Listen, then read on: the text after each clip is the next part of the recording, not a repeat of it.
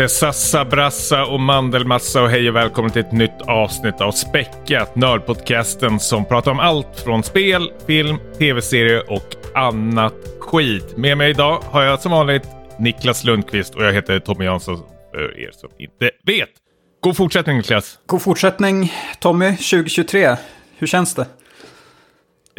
jo, eh, jag, vet, jag känner ingenting. Jag vi sa det innan vi startade igång, jag frågade har du något att berätta? Du sa nej. Och vi kommer nog inte berätta om varandras julafton för det är väl rätt så trist om det inte har hänt någonting. Det händer väl samma sak varje år hos våra dysfunktionella familjer. Mm. Eh, men däremot tänkte jag, eh, jag vet inte, det var en lyssnare som kontaktade mig och sa det roligaste med er podcast är när du hänger ut Niklas. Ja. Tänkte säkert på de här, okej, okay, nej, men, nej, nej, nej, fortsätt. Ja, nej, men eh, jag, jag har en, eh, en fråga till dig. Du, för två avsnitt sen så eh, frågade du mig att ja, mm, hur ska du göra nu när eh, 2022 börjar ta slut med alla filmer och eh, serier och spel och sånt där. Det, det är stressigt nu, det gäller att prioritera. Eh, senaste två veckorna har jag ju följt dig slaviskt nu på Playstation, Steam, på Letterboxd TV-time. Alltså det, det, är inte, det är inte mycket puls där. Alltså det, det, det är dödare än disco. Alltså det... Ja. Och jag har följt dig å andra sidan och jag har sett att du varit väldigt aktiv. Eh. Jag har ju accelererat. Vi har ju varit lediga en vecka, hela familjen. Ehm, och sjuka, måste jag säga. Men det är så tråkigt att prata om. Men att vi har ju varit eh, instängda i stort sett en hel vecka, vilket gjort att jag har fått väldigt mycket så här, tv och eh, speltid av någon konstig anledning. Jag har vänt lite på dygnet här också. Mm. Um, så, så, absolut, jag har varit aktiv. Men du, du har ju liksom två katter att ta hand om. Det är det. Inget att skylla du på. Bor ju ihop med din, nej, men precis. Du bor ihop med din fru, men där är det väl hon som tar hand om dig. Ja, det är väl så. På tal om dysfunktionella. nej, jag skojar. nej, men vad är anledningen? Eh... Är, det är det fotboll? Är det, är det priserna från Qatar? Ja, nu, ja, men precis som jag tittar på. Eller...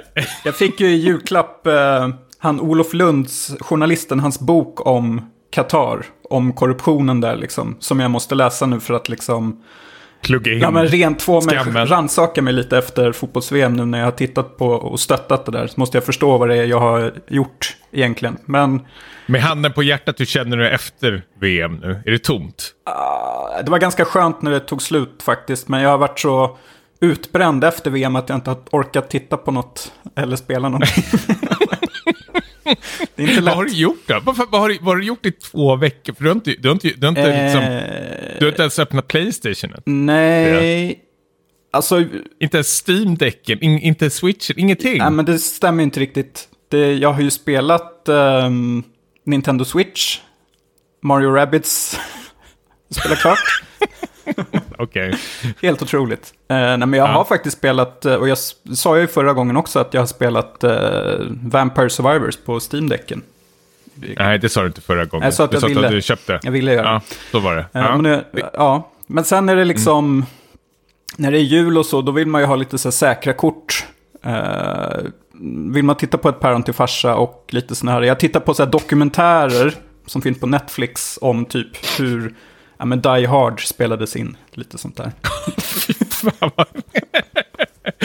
eh, på, på tal om eh, dokumentärer så såg jag en, eh, det har ju kommit en Netflix-dokumentär, eh, som om, eh, eller Netflix, en HBO-dokumentär om så här eh, folklore horror. Eh, nej men en tre timmar dokumentär eh, och det, det lät ju jättespännande. Det tog liksom mig fyra sittningar att kanske ta sig igenom det. Men alltså jag lärde mig ingenting på den dokumentären. Alltså det, det är ett gäng, eh, bland annat Robert Eggers är med, vilket var lite eh, kul, regissören. Men sen är det ett gäng liksom så här eh, cineaster och författare som sitter så här, eh, nästan slickar sig i munnen i tre timmar och berättar typ om eh, jag vet inte, olika filmer och, och, hur bra de är och sen liksom hoppar man vidare till nästa. Liksom. Alltså det, den rör sig liksom mellan Storbritannien, USA, Ostasien och sånt där. Men liksom man djupdyker inte direkt i något, utan det, det är mest att du bara dopp, går runt och doppar på tårna på saker. Men, man, men jag satt förstås med penna och papper och satt och antecknade massor med spännande eh, filmer där. Mm -hmm. Men eh, vilken, vilken jävla skitdokumentär egentligen. eh, på det sättet att liksom man, man gick ju helt därifrån helt tom Egentligen. Um, Förutom att man har lärt sig några nya filmtitlar. Men du har inte lärt dig någonting om själva liksom, folk horror-grejen.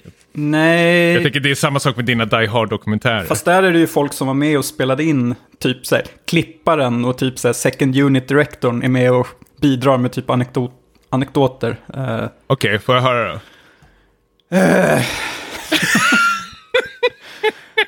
det var väl något i stil med att eh, Bruce Willis, de trodde inte riktigt på honom men han fick rollen ändå. Så, det var det, var det man fick lära sig. Fan. Alltså det är ju mer spännande i den där Varan-tv-sketchen när eh, han regisserar eh, Dolph Lundgren och säger When you snap the dime, you snap it and take it. det, det är en bra anekdot. Ja. Ja. Eh, nej, men eh, jag, jag, hör ing, jag hör bara bortförklaringar. Men det ska bli spännande. Um, Ja, nej men hur den vi... här podcasten överlever ett år till. Ja, men ehm, det har vi inte pratat om. Men blir nästa avsnitt vårt uh, Goti-avsnitt? Då det är dags att liksom redovisa vad man har spelat. Ja men faktiskt. Och sen ska vi väl ha bästa film och allting. Det kommer nog vara intensivt i januari med kanske, eh, kanske släpper avsnitten mer tätt in på varandra. Du och jag har inte träffats så... Diskuterat pratat det om. Nej, det här Nej. måste vi nog prata om internt. Eh, Kanske jag inte ska lova för mycket, men det blir bra i alla fall. Det blir kul. Ja. Eh, något annat vi har är ju den eh, dagliga tänkte jag säga, men eh, alltid stående punkten årets film X och vi har kommit till 2011. Ska jag börja ta den här? Kör! Det är en, ehm, en, en thriller som kom egentligen från ingenstans. Det, det är väl, om jag tittar på filmåret så är det väl rätt så många femmor jag satt faktiskt. Men det här är en som jag inte kan släppa. Och det är Line Ramses We Need to Talk About Kevin. Ah, Som är en helt otrolig, särskilt den har ju satt sig fast ännu mer nu när jag själv har blivit småbarnsförälder. kan relatera. Eh, relaterat till vissa grejer, men det är den här mamman som nästan, känns nästan som hon, eh, alltså Tilda Swinton då, som nästan ofrivilligt blir den här eh, mamman till det här barnet och liksom, vet inte, hatar sitt barn nästan från födseln. Eh, och får man ju se hur det påverkar liksom barnet. Liksom. Hon tror liksom att när barnet blir lite äldre så har han liksom, han, Kevin då, en, någon slags agenda mot henne. Eller någonting. Eh, för att, någon slags psykisk misshandel eh, mot henne. Den är superspännande. John C. Reilly är med också eh, och gör en så här otrolig eh, roll som inte alls är likt honom. Precis, och eh, Kevin spelas ju av, av flera olika skådisar, men. Ezra Miller som liksom sen visade sig vara ond och galen på riktigt. Så att det var bra castat där. Eh, han är övertygande. Ja, Ja, absolut. Men skitbra eh, film faktiskt. ja, ja den är... Den är Och eh, hon, eh, regissören, är, jag har ju bara sett två av hennes filmer. Eh, We Need to Talk About Kevin och You Were Never Really Here heter det va? Med Joaquin Phoenix. Eh, men jag har hört även så här Ratcatcher ska vara så här svinbra. Eh, jag vet inte om hon kommer med något nytt snart. Jag hoppas det. ja, Hon tar verkligen tid på sig mellan varje film. precis. Eh, vill se mer av henne. Ja, är hon skotte? Jag tror hon kommer från Skottland. eller. Det låter bekant. Ja. Eh, ja, nej men eh, We Need to Talk About Kevin.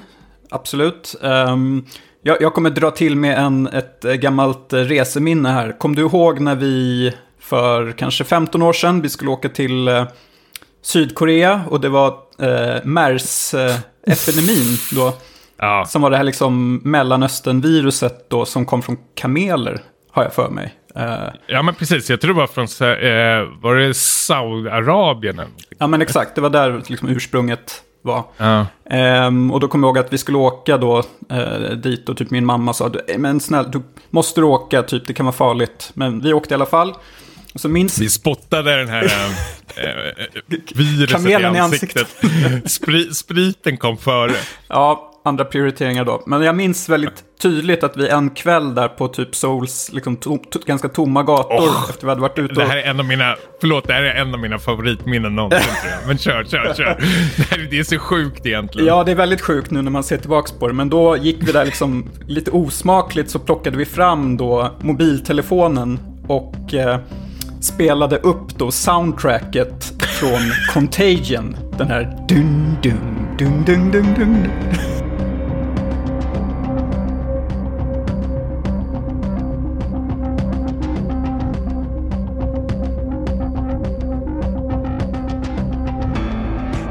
Att det skulle bli så här stämningsfullt när vi gick igenom de tomma gatorna liksom och eh, det var... Vi var ju dyngraka och så var det på kvällen kommer jag ihåg. Och så gick vi runt och spelade Contagion som Ja. tracken. Hade mycket rolig, roligt åt det. Eh, hade inte flygit lika mycket...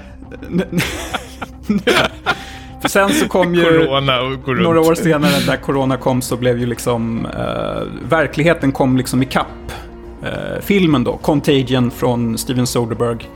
Ehm, Ja. Jag får väl rätta mig själv för den kom ju 2011 som sagt så det måste ju varit typ 10 år sedan som, som vi var där. Men eh, Mm. hur som helst. Um, otroligt före sin tid som sagt med en väldigt bra cast som liksom beskriver egentligen en, pandemi då hur det, hur det sprids och eh, paniken som uppstår.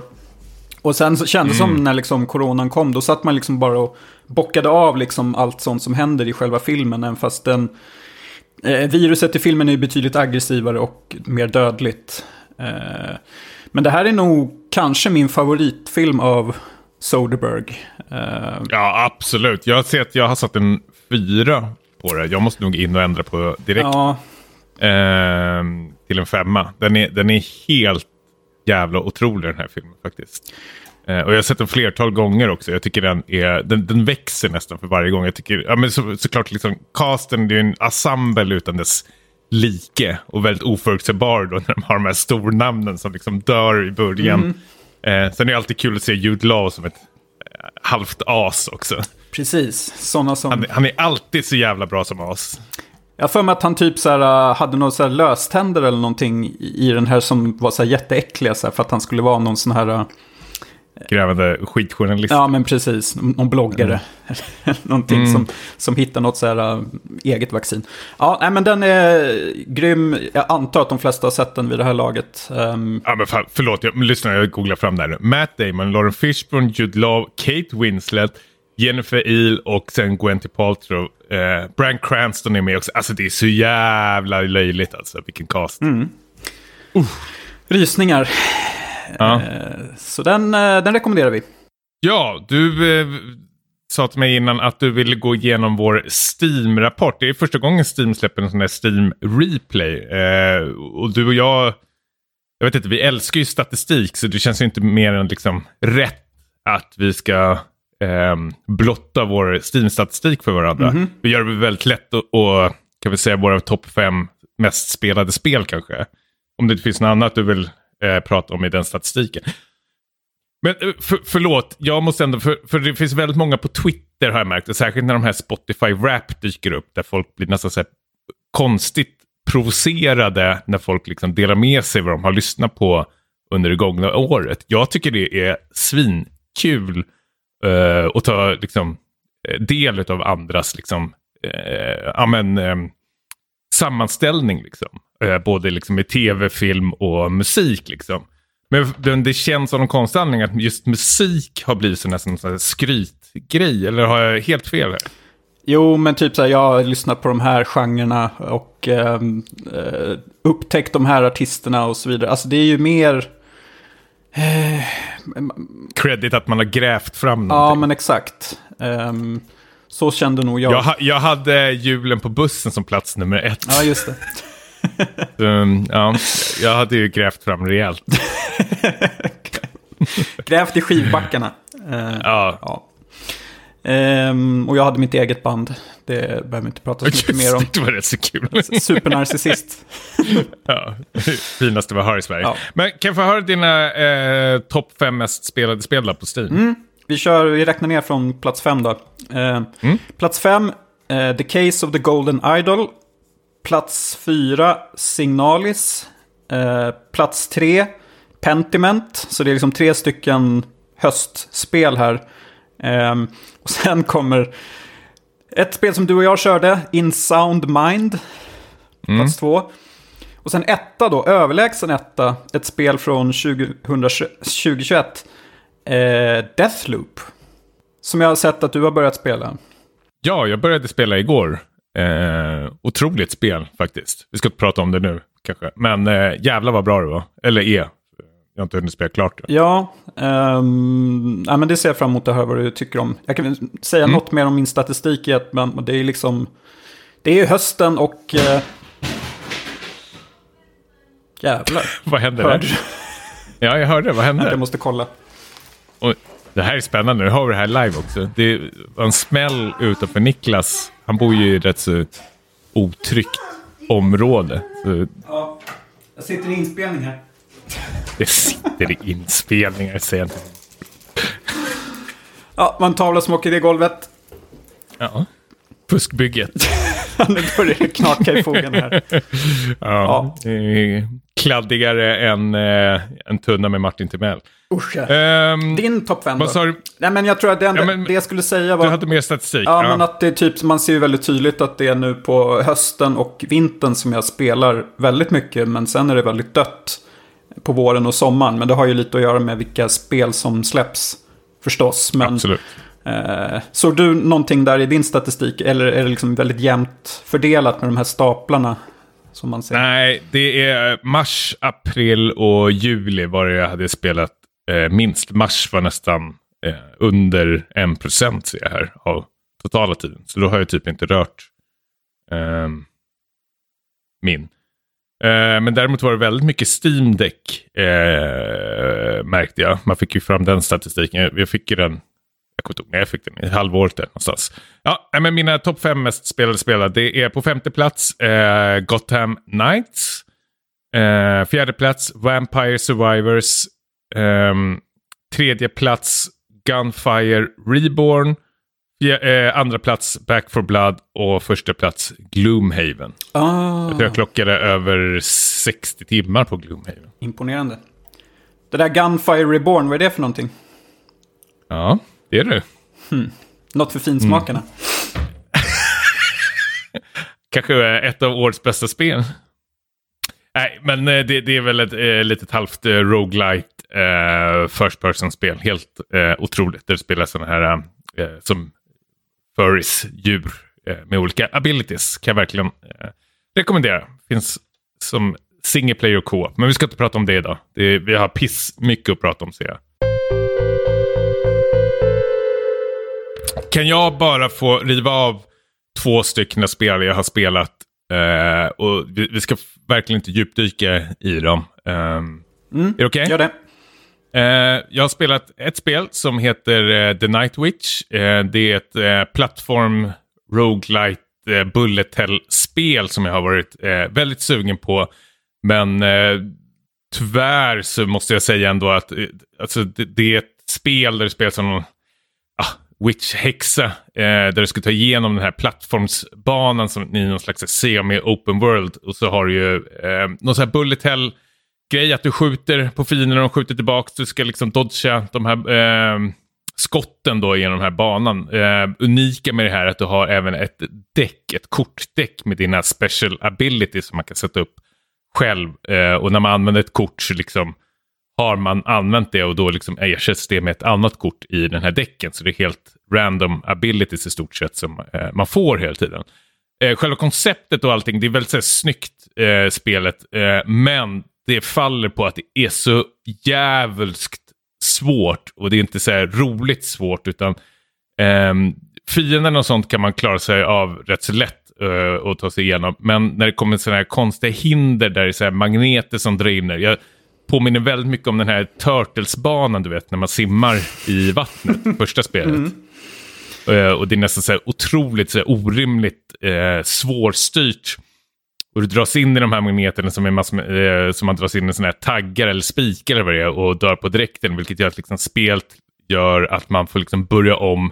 Inte från början, men du liksom backar tillbaks i så här fem sessioner, eller vad man ska kalla som, och måste spela om liksom den här man- lättare delen. Men det, så roligt är det inte att liksom man eh, vill spela om det eh, faktiskt.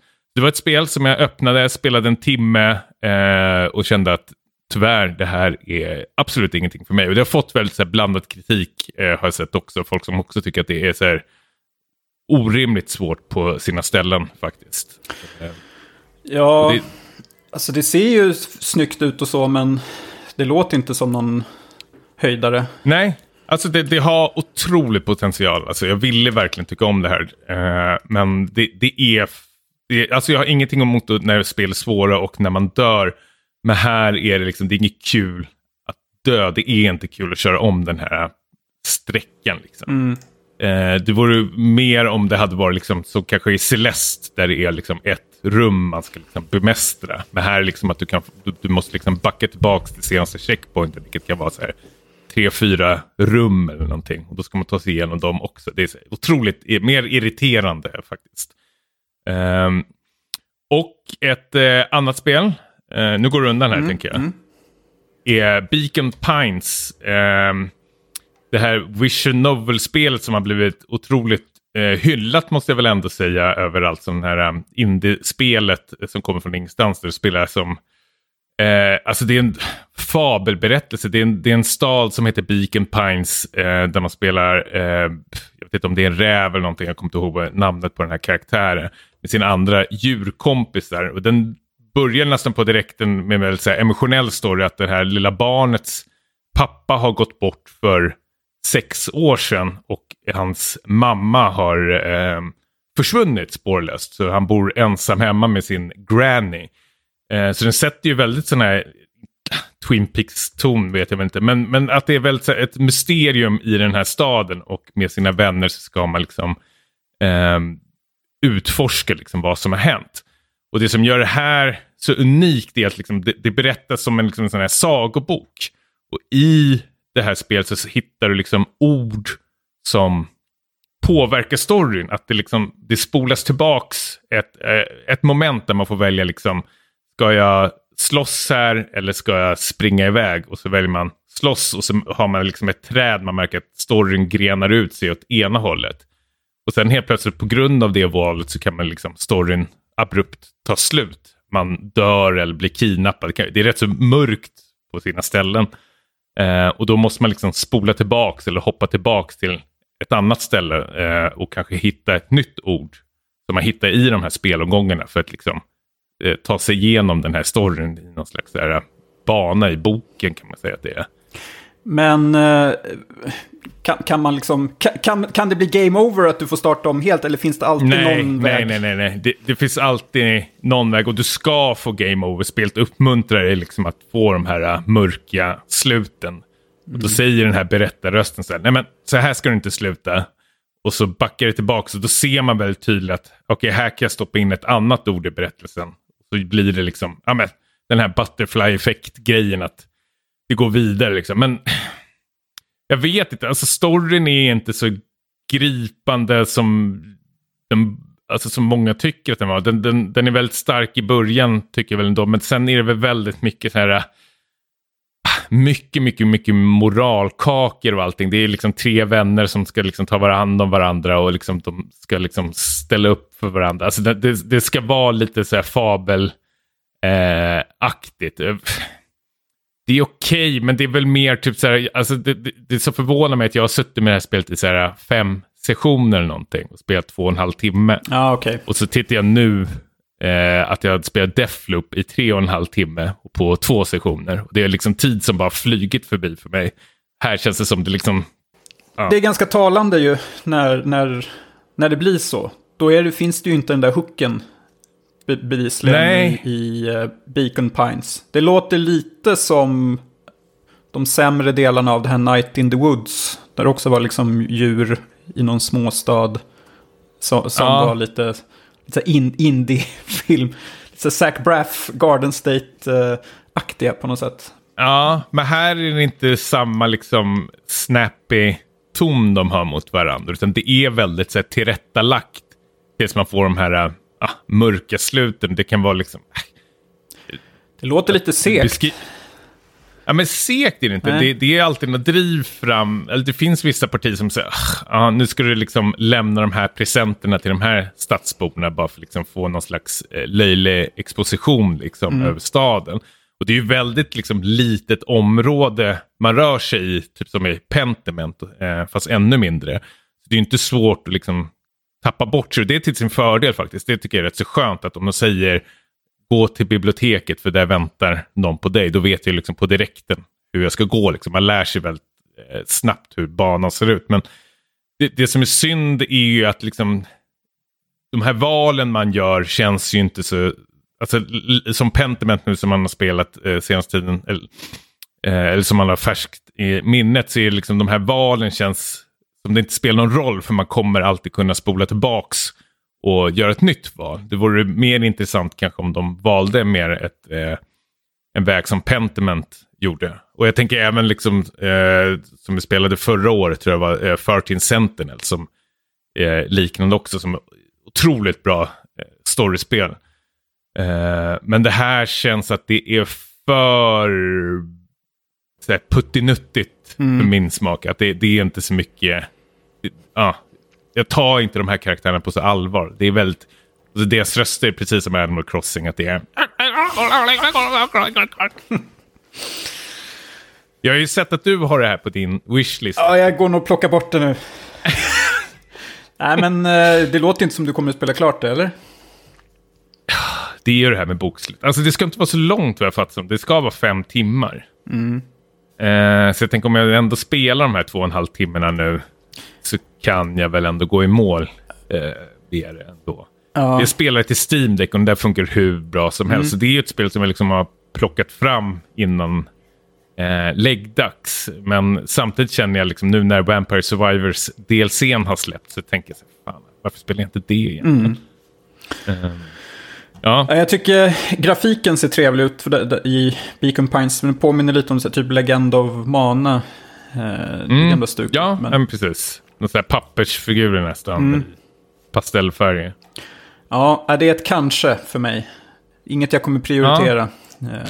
Jag vet, alltså, ja, jag vet inte vem, vem det, man, man ska rikta de här spelen Alltså om du gillar Night in the Woods, nu pratar jag mest öppet till lys lyssnarna, så ska man nog eh, definitivt kolla in det här. Jag var inte superförtjust i Night in the Woods heller. Det är, liksom, det är ett okej spel. Det här är absolut inget dåligt spel, men det är inte min typ av spel faktiskt. Jag kan förstå varför man gillar de här, eh, det här spelet.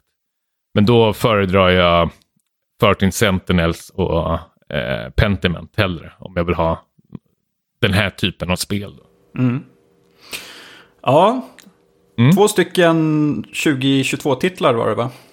Ja, precis. Kommer absolut inte vara med i topp 10. Nej, det låter inte så.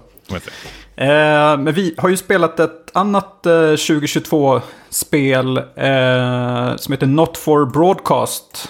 Som vi pratade om i förra avsnittet att vi skulle göra. Mm. Um, och det här är ju ett ganska här, unikt koncept där du spelar som en, uh, heter det bildproducent?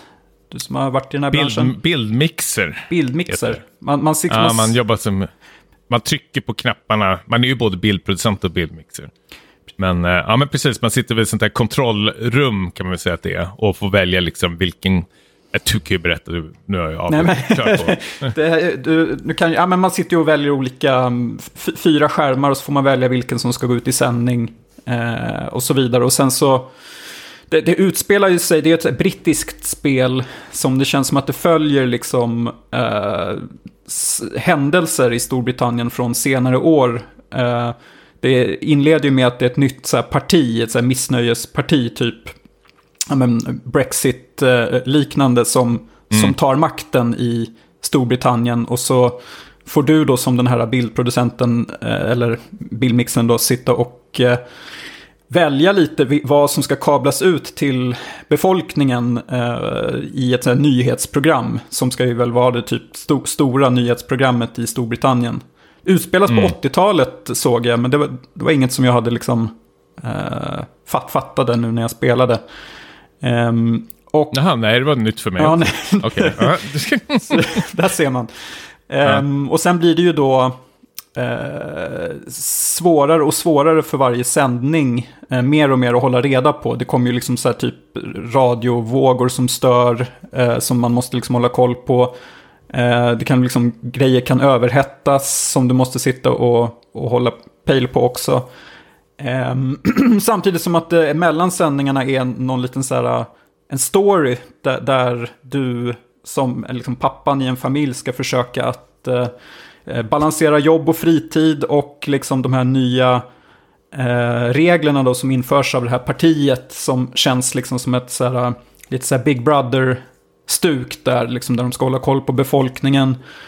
Um, så det, det, känns ju som att det liksom är influerat av så Brexit och även kanske liksom coronapandemin, lockdown och hur uh, politikerna har hanterat det i, i England och eh, lite här och där i världen.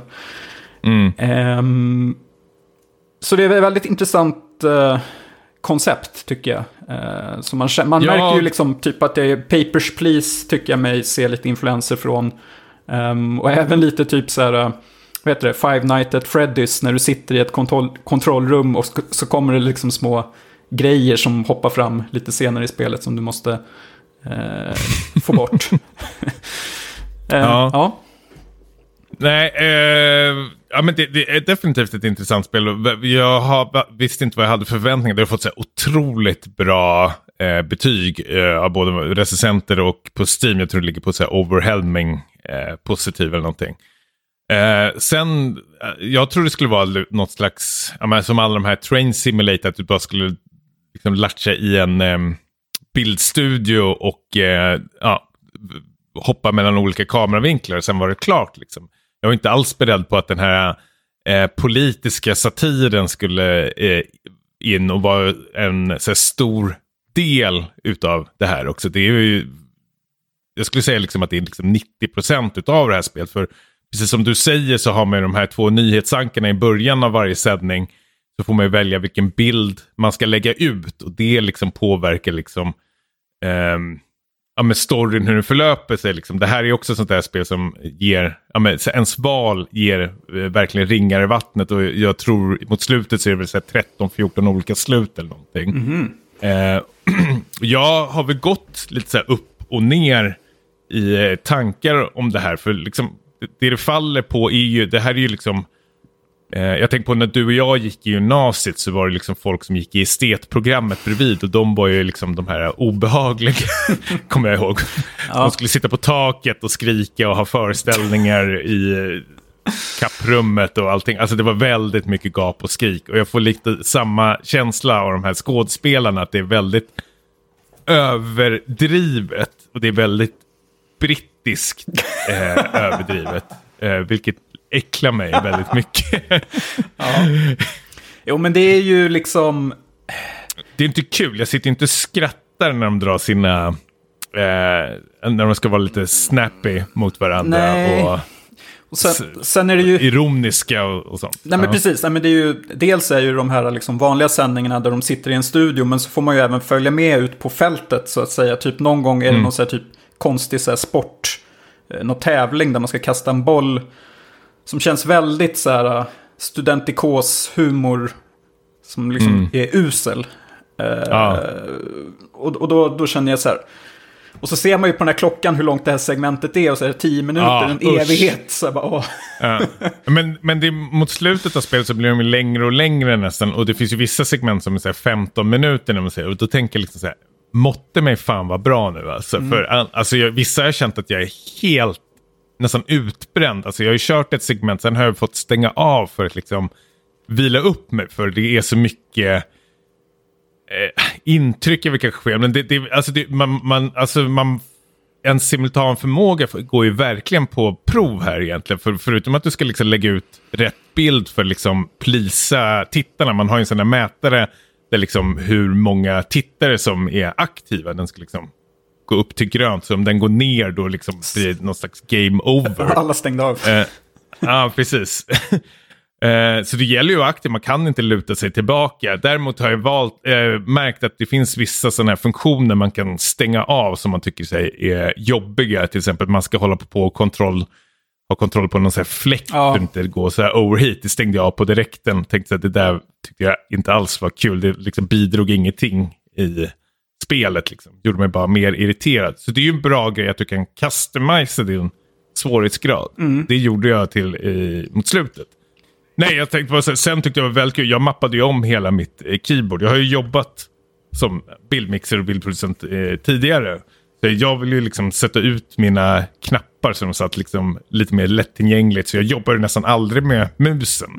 Även när man kli- klipper in till liksom reklam fanns det även så här snabbknappar man kunde liksom eh, mata in och sånt. Jag tyck, sånt tyckte jag var helt otroligt kul att man kunde customisa eh, det faktiskt.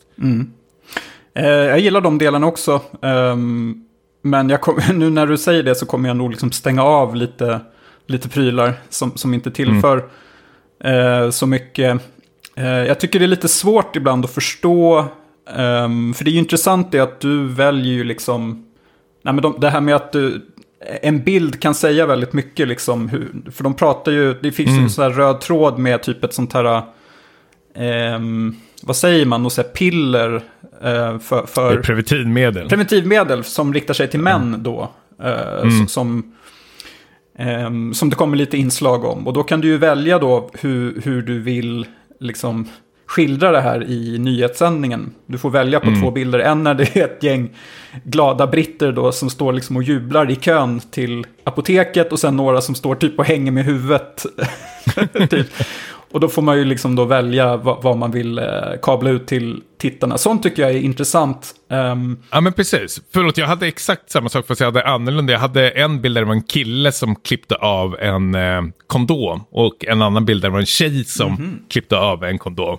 Och där är ju samma sak, att det blir ju någon slags eh, genusfråga mm. helt plötsligt på vad du ska, vilken av dem där du ska lägga ut. Och, och jag ska inte säga för mycket, eller jag ska, inte säga, jag ska inte spoila någonting alls, men alla de här valen man gör märker man särskilt på de två sista eh, sändningarna att liksom då, eh, då har det hänt saker. Liksom, eh, och jag fick otroligt ångest mot slutet mot mina val. För då var det verkligen eh, superallvarligt helt plötsligt. Eh, och jag, det var länge sedan jag kände sånt spel där jag märkte att nej men till exempel så finns det en sån här utanför spel så finns det någon slags resistensgrupp eller vad man ska kalla det för.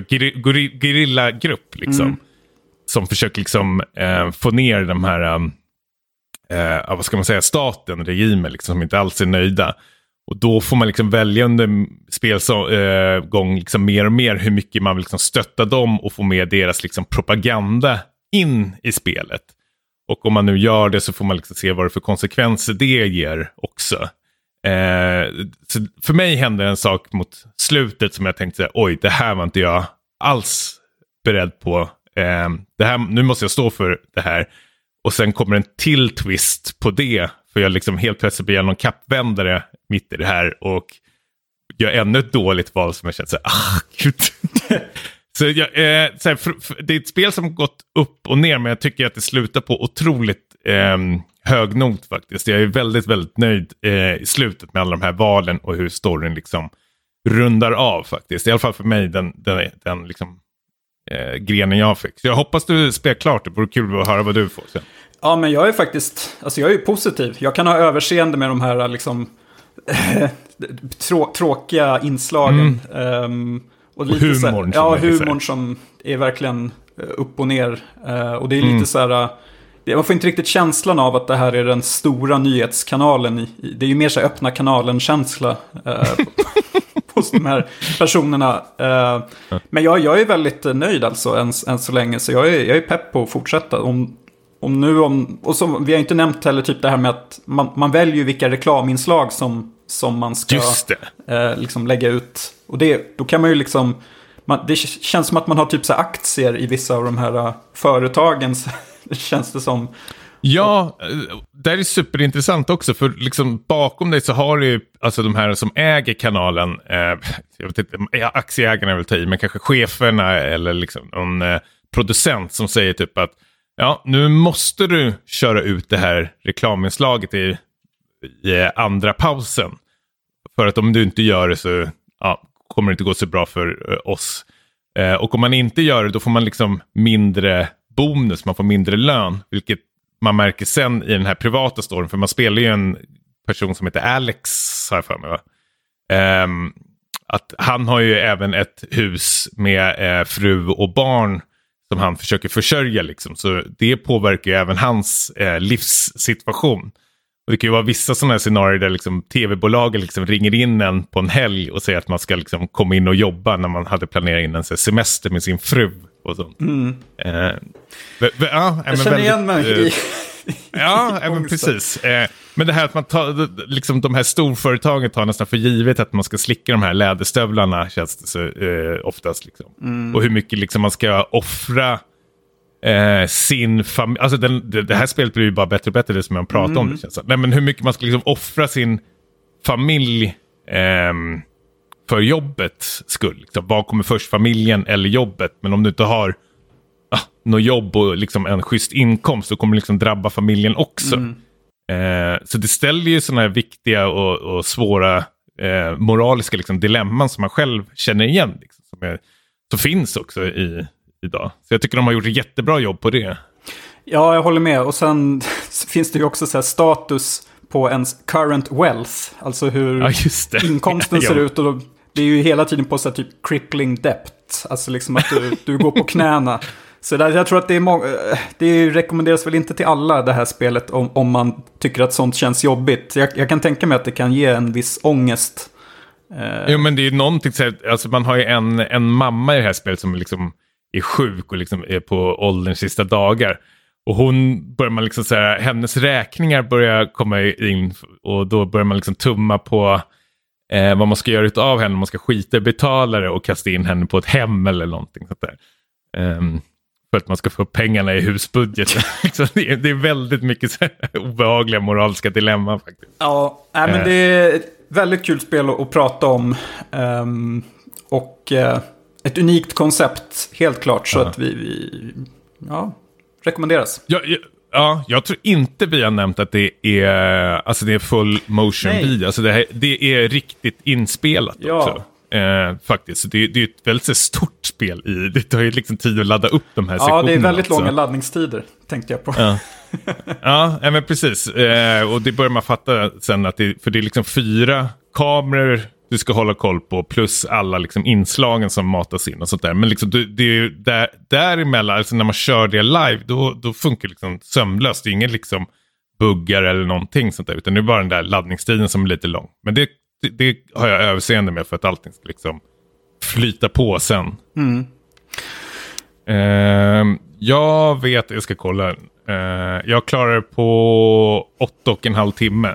Okay. Det är inte jättestort spel faktiskt. Um, det är helt okej okay. uh, och det är inte så, inte så dyrt heller för mig. Nej, det en hundralapp. Eller vi, köpt, ja, vi köpte på någon rea du jag har för mig. Ja, exakt. Uh... Uh, ja, inte ens det. Åtta, nu är det um, 8 euro kostar det här på Steam. Det finns bara på uh, Steam också. Måste jag säga.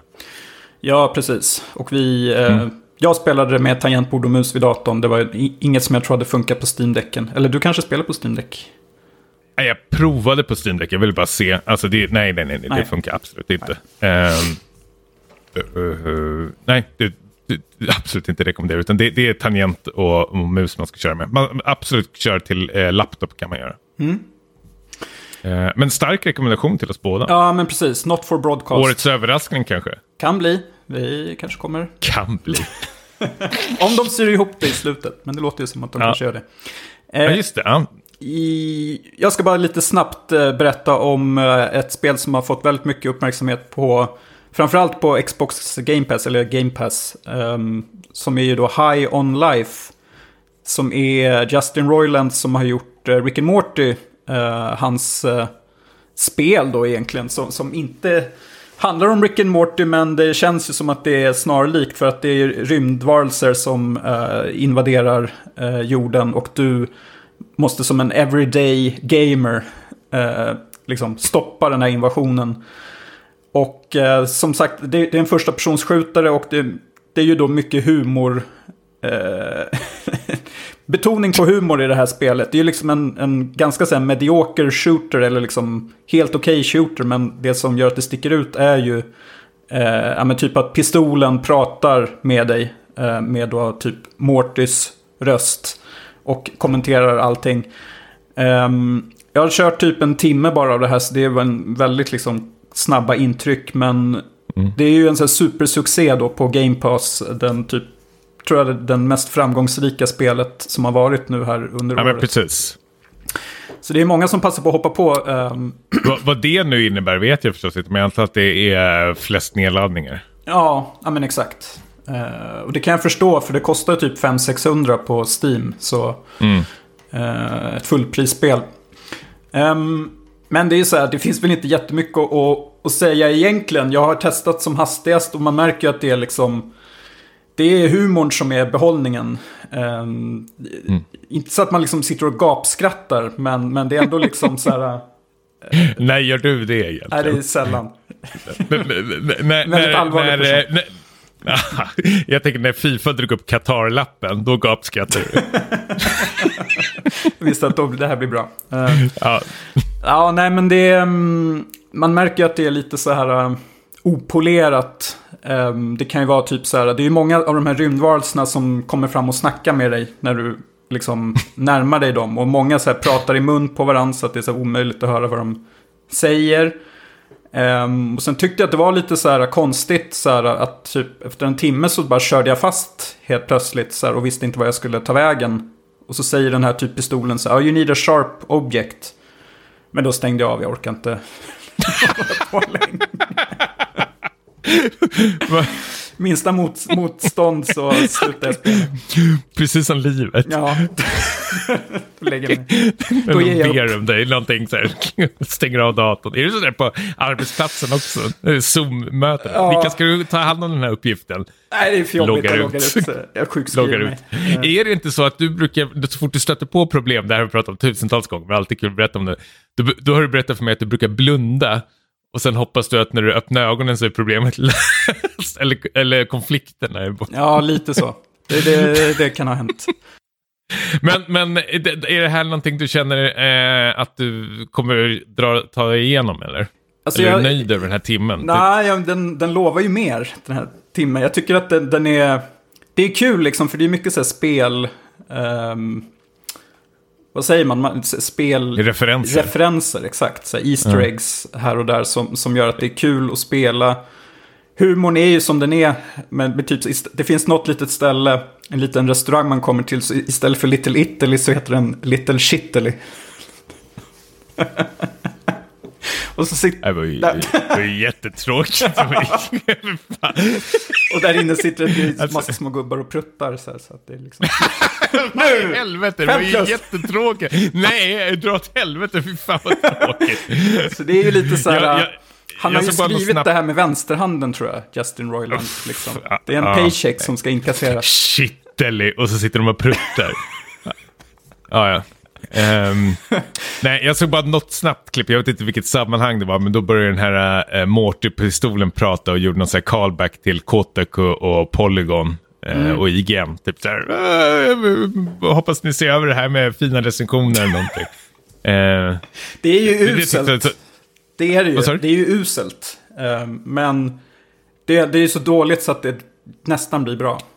Ja, nej, jag förstår vad du menar. Jag har, varit, alltså, jag har varit sugen på det. Jag blev mer sugen på det senaste tiden faktiskt. För, eh, men eh, någonting som jag är väldigt liksom, rädd är att jag har hört att det är väldigt så här, repetitivt det här spelet. Alltså efter två timmar så har du nästan sett och gjort allting. Det kom inte med så mycket eh, nytt. Eh, en annan grej som jag också läst, eh, om vi ska dra en, något positivt som jag tänkte att det här låter väl bra att de eh, har fixat snabbt. Det är väl att många har tröttnat på den här pistolen, att den gaggar rätt så mycket, nästan hela tiden. Och då kan man tydligen ställa in det, eh, hur ofta den ska prata. Man kan, Färre skämt. man kan, man kan, man, ja, precis, man kan tona ner den lite. Ja. ja, det har jag också hört. Men det blir ju lite så här... uh, Om Men det orkar du inte göra. Nej, det verkar jobbigt. Han får babbla på. Nej, men det är lite så här, om man tar bort humorn ur spelet och så, då känns det som då, då, då blir det poänglöst på något sätt. Jo, ja, men om den ska snacka hela tiden. Det är ju... Ja, i och för sig. Efter åtta timmar kanske man är ganska mätt på, på det där. Ja, precis.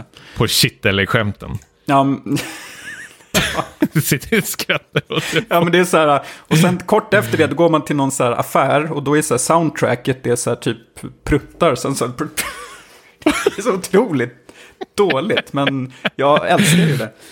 Ja. Eh, Men sen kom ett pussel, sharp object, så då var det bara... Ja. Då blir det jobbigt. Så, ja. då var det allvarligt. ja. Stängde av. Spännande. Ska vi snabbt hoppa över till eh, tv-serier bara? Ehm, jag har tittat på andra säsongen utav Alice in Borderland. Den här japanska tv-serien som baseras på en eh, manga som finns på Netflix. Eh, eftersom säsong två nu har kommit ut så kanske jag inte ska bli så här, eh, prata jättemycket om det. Jag älskade verkligen säsong ett utav den här serien. Eh, men säsong två eh, drar upp det ännu högre faktiskt och eh, slår första säsongen på fingrarna rejält. Och det som är så skönt också med nu säsong två är att de har gått ut med och sagt att eh, det här är sista säsongen och vi har ett slut på det. Mm. Vilket är så här, det är, det är perfekt. För det är väl någonting jag har varit lite orolig med den här serien. Att eh, hur långt kan man gå med det här? Eh, kort bara med premi- premissen är ju att eh, du får följa ett, ett gäng ungdomar som vaknar upp i ett eh, tomt Tokyo helt plötsligt. Eh, varför vet man inte. Då har du en sån här galen spelledare som har samlat ihop ja, men tusentals andra ungdomar. Och för liksom kunna överleva, man har ju ett sånt där daily pass, alltså de har väl något eh, chip på sig. att Man har ett dygn på sig att liksom utmana andra spelare i sån här eh, eh spel. Då, som, det, är, som det är någon spelledare som har konstruerat fram. Eh, och det är sån här eh, survivor game, liksom att du ska lista ut liksom spelets eh, regler och sen liksom kunna överleva det. Eh, och, eh, eh, med hjälp av andra spelare eller att du måste spela dem bakom ryggen. Vilket gör det också väldigt roligt. Eh, jag är ju så en sucker för sån här eh, eh, men survival-spel. Eh, och eh, vad ska man säga? Alltså den typen av serier och filmer och manga. Japan ligger verkligen i framkant när det kommer till sådana här. Eh, jag är ju en av de som kanske tyckte att Squid Game var väl sisådär faktiskt. Jag tyckte det var helt okej. Okay. Alice in Borderland är mycket, mycket, mycket bättre, mycket mer spännande, mycket mer roligare eh, spel faktiskt. Och otroligt, otroligt eh, brutal, eh, särskilt andra säsongen. Väldigt, väldigt, väldigt blodig. Jag för väldigt mycket så tankar till eh, eh Battle Royale eh, filmerna. Mm. Heter de Battle Royale? Battle Royale, ja. Mm. ja. precis. Ja. Eh, så man gillar den typen av eh, serier och filmer och sånt där. Så ska man absolut kolla in den här tycker jag faktiskt. Eh, säsong två var helt magiskt. Eh, så, Men var det här ja. sista säsongen sa du? Eller fan, det är sista det är säsongen. Säsong. Så de slutar, slutar på topp eller? Den slutar på topp. Den har ett avslut, den eh, rundar av allting. Vilket är jätteskönt faktiskt. Jag tror inte de hade kunnat göra det. Alltså, det blir repetitivt, det blir det. Men jag tycker ändå de har tajtat ihop det till två säsonger precis faktiskt. De gjorde helt rätt val. Och den har ju, den har ju liksom slagit någon rekord nu i Netflix. Japan går jättebra för den där. Eh, här i väst vet jag inte hur den går. Men jag, jag, min fru verkligen fastnade för den rejält och det är liksom den tuggar vi oss igenom bara. Gjorde vi. Mm. Um, jag, jag, tycker du ska se den här, för jag tror ja. du kommer gilla den. Precis. Um, tror du att, om man säger Squid Games-fansen skulle kunna gilla det också? Eller um... mm, absolut. Ja. Uh, åtanke är ju att det är japansk miljö, vilket betyder alla beter sig väldigt, väldigt eh, japanskt. Ja. På både så här, gott och ont. Men det finns någon tjej som så här, helt omotiverat går runt med typ eh, bh bara och shorts. Eh, så det är mycket sådana sådana här, ja men, eh, och, och, ja men, ja, men så här, det är, alltså det, det, det var ju hyllats för att du har väl otroliga så här, kvinnliga eh, karaktärer i den här serien. På, men eh, däremot har de ju fört över, liksom, eller tagit med liksom, klädstilen som finns kvar i mangan. Vilket betyder att många av dem är väldigt så här, lättklädda och några är väldigt så här, tuttiga av sig. Eh, så där vinner de väl kanske inte så här jättemycket poäng. Det, det känns någonting de kunde faktiskt fixa med. Men då hade det blivit ett jävla liv bland alla de här eh, hardcore-fansen tror jag. Eh, men det, det tyckte jag att man kunde i sådana fall fixa till. Men annars så är det svinbra cast tycker jag faktiskt. Eh, roliga, intressanta karaktärer. Eh, om man står ut med att det är liksom japanskt eh, så tycker jag absolut, absolut. Och om du gillar Squid Game och Battle Royale och ah, Future Diary och liknande eh, survival games så det, kolla in den. det är som en hel genre som man inte visste fanns. Uh, jo. Nej, men efter, alltså Squid Game öppnade ju liksom dörren för mycket, men det fanns ju enligt dig då bättre grejer eh, redan innan. Ja, men det här har på, alltså för det här, jag för, Det här för... kom ju före Squid Game, eller hur? Ja, För, första säsongen ja. ja. Ja, men kom de inte samtidigt? 2020 kom första säsongen. Uh. Jag tror de kom samma år. När kom Squid Game? Ja, ah, 2021. Du har fan rätt. Den kom eh, året innan. Mm. Um, Men världen var inte redo kanske? Jo, alltså Bat Battle Royale, när började du titta på den? Vi såg ju den typ när den släpptes. Tidigt Det 2000-tal. är ju något, ja men precis. Det är ju någonting som är så otroligt eh, spännande med eh, såhär, last man standing. Att du slänger in ett gäng som ska liksom ta koll på varandra och så är det liksom herren på täppan egentligen. Jag, jag älskar det ehm, konceptet. Det finns ett svinbra japansk serie som heter Liar Game. Eh, om, man, om man är lite känslig mot så här, um, död och sånt så är det mer att de ska eh, spela massor med så här hasardspel och eh, fast de ska sitta och spela kort. Men det är pussel de ska lösa. Men så knuffar de ut varandra. Det är alltid en som måste åka ut varje omgång. Tills det är en liksom vinnare som liksom vinner 100 miljoner igen eller någonting. Mm. Eh, också så här, superrekommendation. Men det här är, det är en genre som jag är knäsvag för. Jag älskar det. Jag sväljer liksom allting och läser alla de här typerna av genrerna. Eh, så ha det kanske i åtanke om ni ska se den här. Men jag, tycker, jag tror du kommer gilla den faktiskt. Eh, särskilt för våldet. Den, är, den är, spar absolut inte på blodet. här. Väldigt brutal är den. Alice in Borderlands på Netflix. Borderland. Borderland. Eh, Netflix. Två säsonger. Yes, jag har ju varit och sett eh, julens eh, stora eh, filmspektakel, nämligen James Camerons efterlängtade Avatar The Way of Water. 13 år har vi väntat. Nej, inte riktigt. Ehm, och jag ska, Ja. jag ska vara eh, vag, jag ska inte spoila något, för du har inte sett den och jag gissar att många andra inte har gjort det heller. Än- Ändå så har den spelat in 1,1 miljarder. Det Dollar. känns ju som att han gjorde det igen. Mm. Eh, ja, jag, jag läste någonstans att det var 50 filmer som ligger där uppe nu. 50 filmer som har spelat in så mycket. Ja, över en miljard. Ja, okej. Så får vi se om den liksom fortsätter att spela in det. Det är väl det som... Ja. ehm, Precis, jag tror senaste Avengers-filmen spelade väl in så här 2,6 miljarder. Så det är en bit kvar. Det är en bit Men det kvar. Är, bu- det är... jag tror de har redan spelat in budgeten, måste de ha gjort. Mm. så trean är väl... Ja, den är väl typ inspelad den, så den är väl klar. Så vi får väl se om de andra uppföljarna kommer. Om vi... Var det inte någon skådespelare där som trodde att den hade blivit... Har ingen koll på det, men hon hade väl sagt typ att Oj, har det gått så bra? Jag tror den släpptes för fyra år sedan och var typ så här sågad. Ja, med Eddie Falco som spelar en roll. För hon, hon filmade sina scener för fyra år sedan och hade typ glömt bort att hon var med och trodde filmen hade kommit ut och floppat. Men nej, Det är en jättekonstig kommentar tycker jag faktiskt. Fan vad man är ointresserad av sin egen bransch. ja kanske. Det Hon kanske måste, var måste, lite... hon måste ja, Lite tillspetsad kommentar kanske, man, man vet inte. Mm. Men hur som helst, det, det har ju gått några år i filmen också då när tvåan börjar. Och eh, Jake Sully och Neytiri har ju fått barn. Vilket var mitt stora or orosmoln inför att nu är det fyra irriterande ungar som, som ska vara med här. Men eh, som tur är så eh, är de inte så farliga, eh, de här ungarna som, som jag hade trott på förhand. De, farlig. Var det så du tänkte när jag skulle bli pappa också?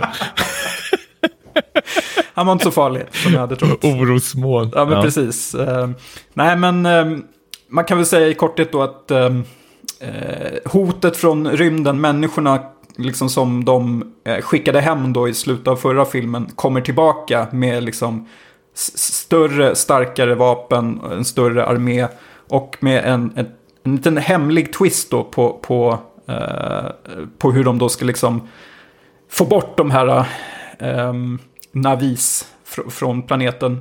Påminn mig igen, varför vill man åt deras resurser? Är det att man vill bosätta sig där, kolonialisera sig på den här planeten? Eller? I första filmen då vill de ju åt den här mineralen som heter typ unob- unobtainium. För att den är så värd så mycket. Men Ja. i tvåan då har ju insatserna höjts lite. För då säger de att eh, nu håller liksom planeten jorden håller på att eh, gå under. Så nu ska de hitta en ny boplats för människorna. Så de, Mm. de ska kolonise- kolonisera den här eh, Pandora-planeten då. Ja, men det blir mig rätt. Ja, ja, men exakt.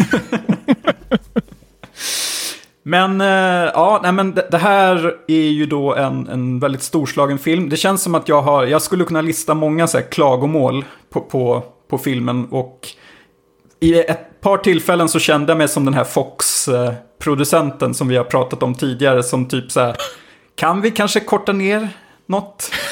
filmen. Behöver den vara tre timmar och tio minuter?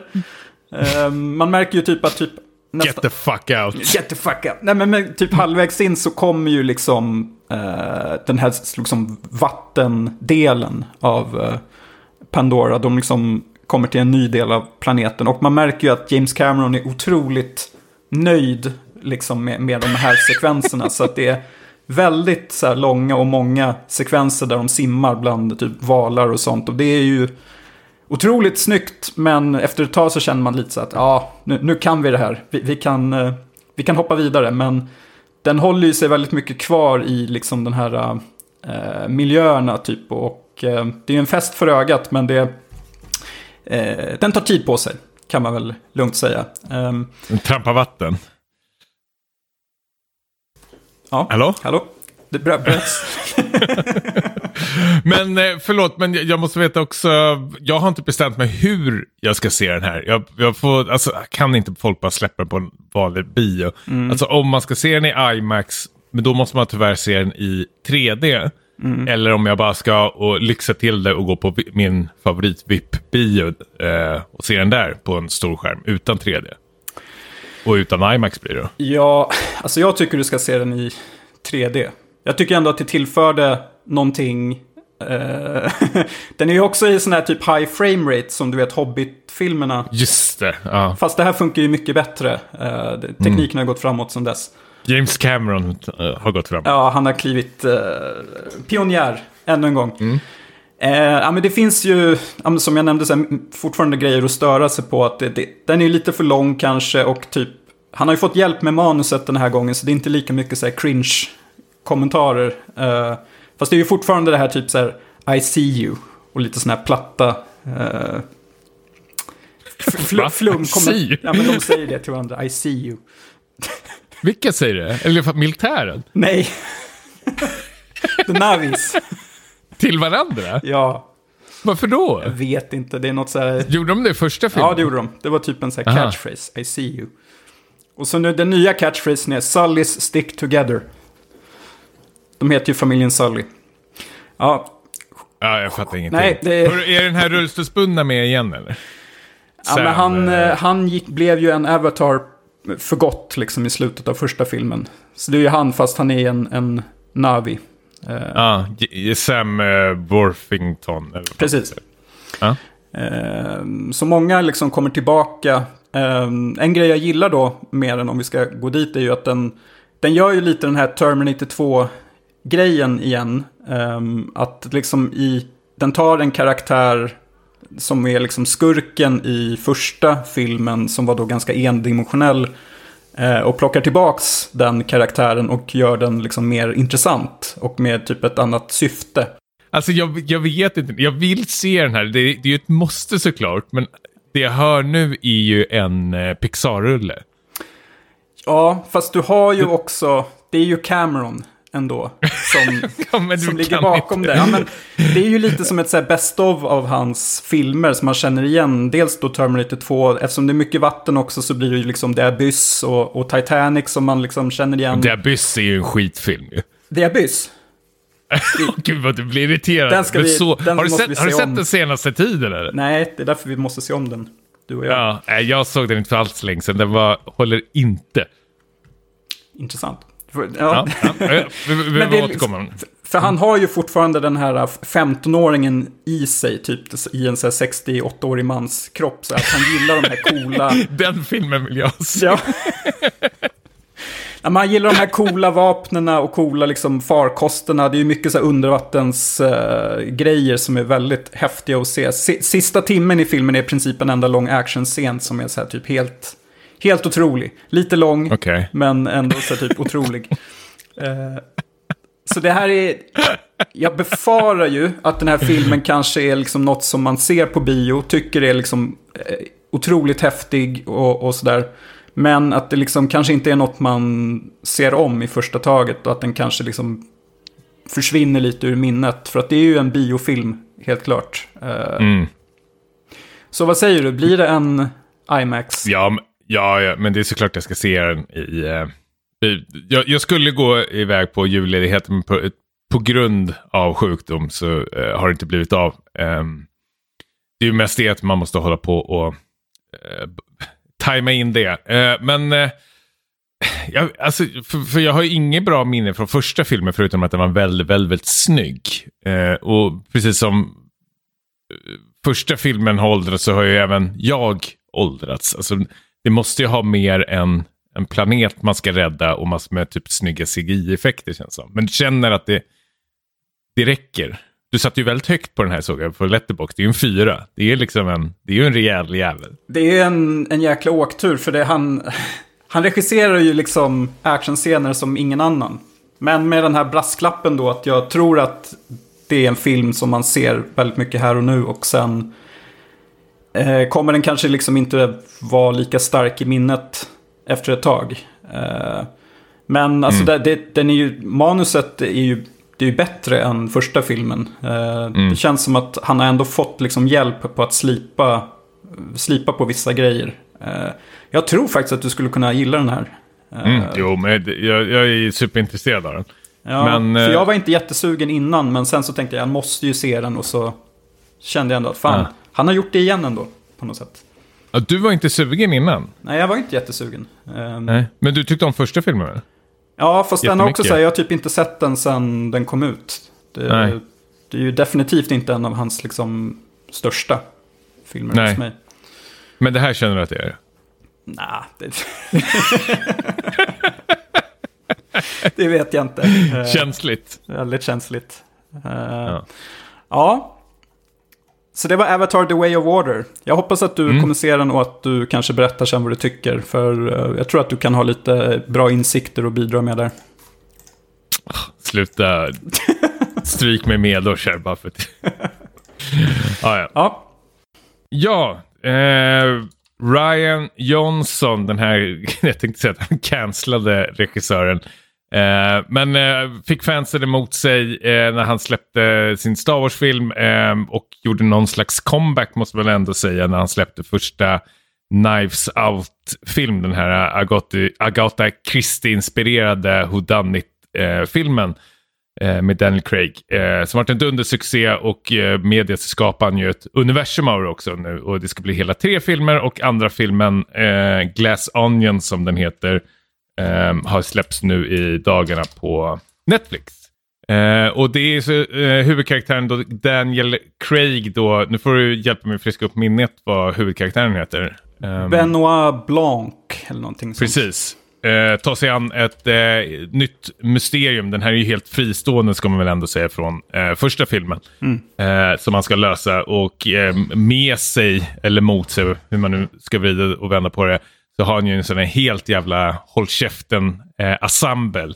Eh, eh, I korta drag så är det den här svinrika affärsmannen Edward Norton då som eh, bjuder in sina vänner för att, liksom, ett, eh, för att liksom, tillsammans liksom, lösa ett, eh, det är väl ett event liksom, på hans ö då och så säger väl han att eh, de ska lösa ett eh, mysterium, ett mordmysterium på honom själv eh, på den här ön.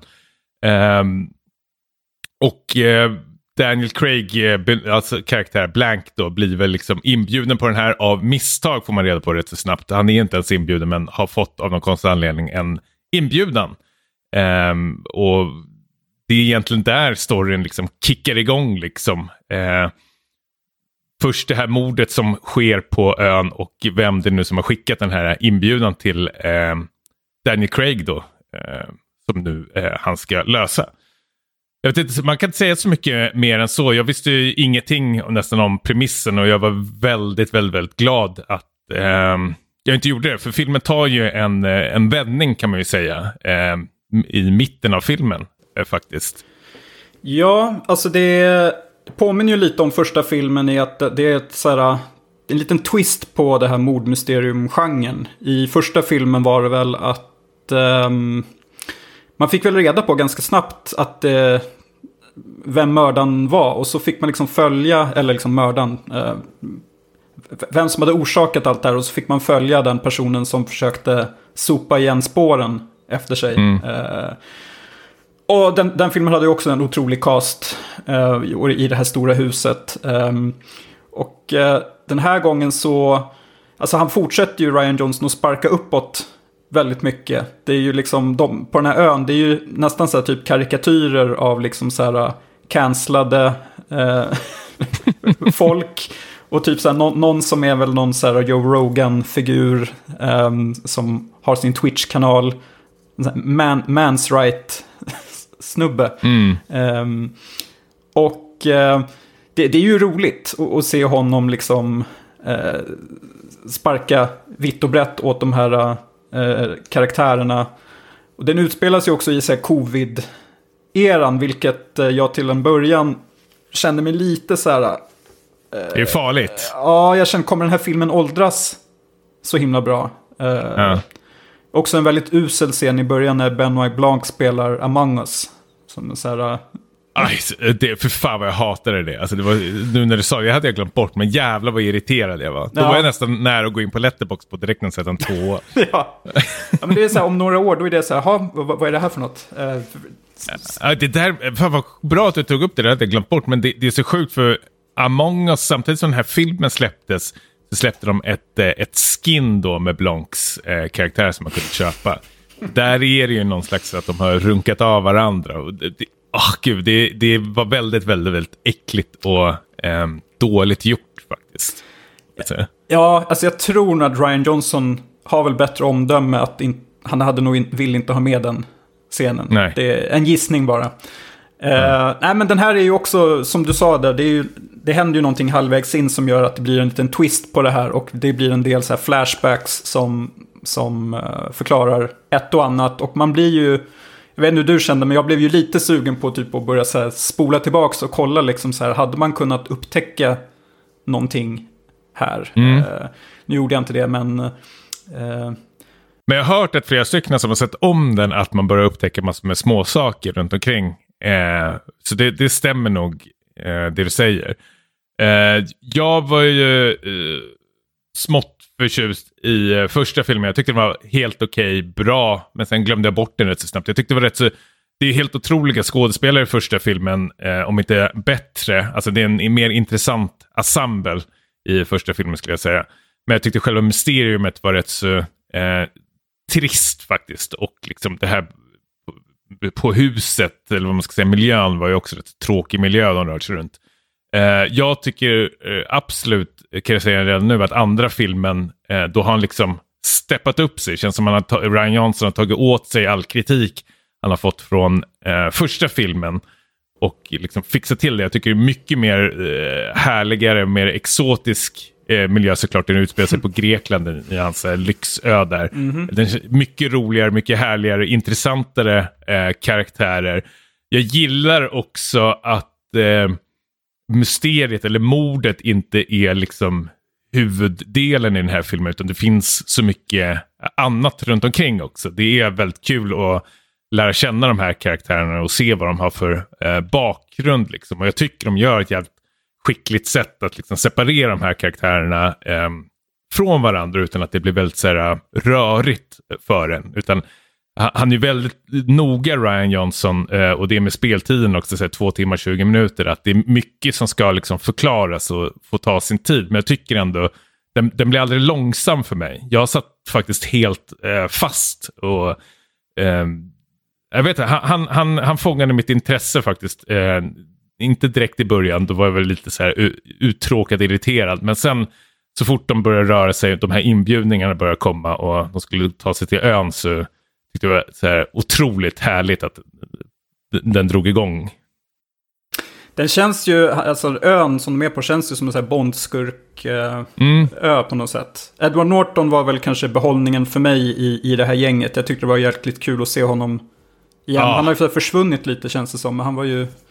Han gör mycket teater vad jag fattar. Ah, okej. Okay. Eller John Malkovich. Också bortglömt. Ja, ja. Nej, men... men uh, Mm. Men för, förlåt, Edward Norton, jag måste bara innan du går vidare. Mm. Men Edward Norton och Daniel Craigs liksom riffande eh, mot varandra tyckte jag var så här, helt otroligt. Jag är ju inte ett dugg fan utav eh, Bond-filmerna och jag tycker absolut inte Daniel Craig har gjort något så här eh, avtryck där som James Bond. Han är rätt så trist och som alla James Bond-karaktärer är, bara går runt och, och är så här Ah, James Bondig. Det är, vad fan, ah, bara, bara gå runt och, och är såhär, eh, kortordig och väldigt så här ordvitsig av sig. Men jag tycker Daniel Craig spelar en helt annan eh, karaktär. Här märker man verkligen hur duktiga de här skådespelarna är. Liksom att Daniel Craig är den här, eh, jag vet inte hur man ska säga, inte flamboyant, men han är väl lite så här eh, konstigt nyfiken liksom. Och man vet inte om han liksom, om karaktären är Um, om man spelar dum ibland eller om man gör det liksom för att liksom passa in i, i gänget. Och det är det som är så jävla härligt. För helt plötsligt kan liksom Daniel Craigs, alltså Blanks karaktär, vända upp och ner liksom, på ett, liksom, ett, en sekund. Liksom. Att han är helt, en, en helt annan personlighet blir han helt plötsligt. Jag tycker det är så otroligt snyggt och skickligt. Ja, men han är ju lite som så här, äh, han känns det... blåst, det var det jag letade efter. Han känns blåst i början. lite bakom flötet så här. Men ja. Colombo-detektiven känns ju som en så här, väldigt gammal referens. Mm. Men han var ju också så här, spelade dum för att liksom få folk att sänka garden lite och avslöja ja. sig. Um, och sen känns, han är väl liksom någon så här Poirot, en modern Poirot helt mm. enkelt. Och jag gillar ju tanken om att det liksom ska komma fler filmer och att de är fristående mysterium. Det tycker jag är mm. supervälkommet.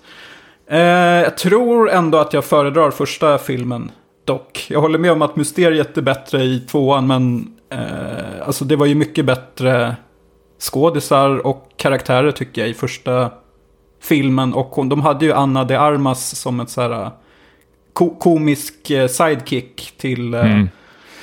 Eh, Daniel Craig. Tyckte funkade väldigt bra då. Um, och eh, tyckte väl att den här körde fast lite när de skulle börja förklara eh, med twisten. Att det var väldigt mycket flashbacks som jag kände jag ville hoppa fram till nuet i filmen liksom. Och eh, mm. närma oss mysteriet. Men jag tycker den var väldigt bra ändå och jag, alltså, det är klart värdig uppföljare.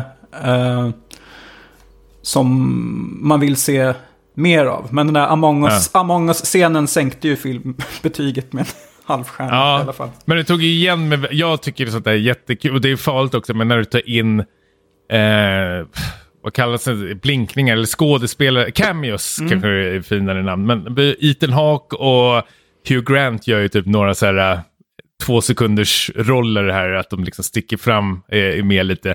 Serena Williams är med också och spelar sig själv, vilket också var så väldigt eh, roligt tyckte jag. Eh, så den är ju väl, jag tycker att han har byggt upp ett universum som är väldigt så här, eh, ja, men flamboyant, fjantigt, men jag köper det faktiskt. Eh, och gillar de här eh, skruvade karaktärerna, att de är, alltså det, det är ju en gäng bortskämda eh, överklassmänniskor som är verkligen over the top utav det hela. Eh, så jag jag, ja, jag föredrar ju den här eh, för första filmen faktiskt. Jag tycker han verkligen har steppet up och jag ser verkligen fram emot eh, nästa film. Ska vi eh, gå i mål då med vår filmcirkel? Uff. Vi såg en julfilm um, som heter då Fatman.